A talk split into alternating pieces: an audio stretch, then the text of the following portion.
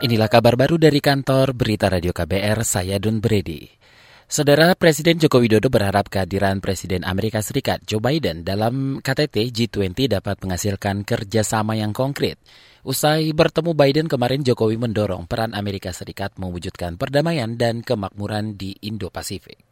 Saya mengharapkan fleksibilitas Amerika Serikat dalam pembahasan deklarasi. Kerjasama ekonomi konkret harus diperkuat termasuk lewat Partnership for Global Infrastructure and Investment dan Indo-Pacific Economic Framework.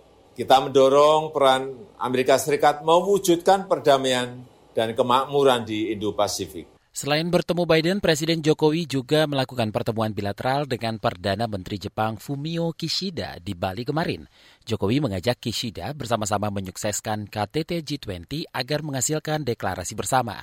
Harapan serupa juga diutarakan Jokowi kala melakukan pertemuan bilateral dengan Presiden Turki Recep Tayyip Erdogan. Wakil Presiden Ma'ruf Amin meminta tiga pejabat gubernur di daerah otonomi baru atau DOB Papua segera mempercepat pembangunan di wilayahnya.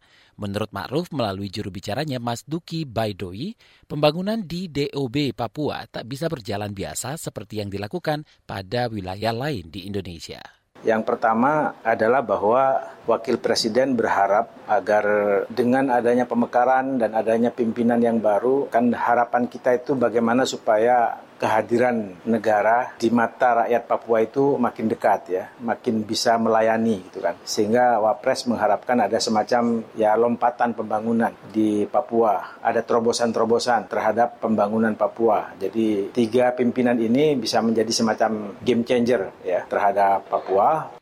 Juru bicara Wakil Presiden Mas Duki Baidowi mengatakan Ma'ruf Amin meminta ketiga PJ untuk segera menyusun rencana terkait pelaksanaan DUB untuk tahun anggaran 2022 hingga 2024.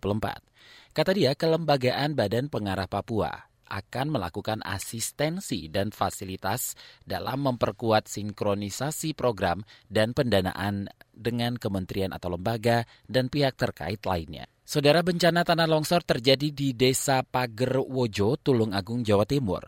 Longsor yang terjadi pada kemarin sore itu menimpa delapan orang yang berada di, di dalam rumah.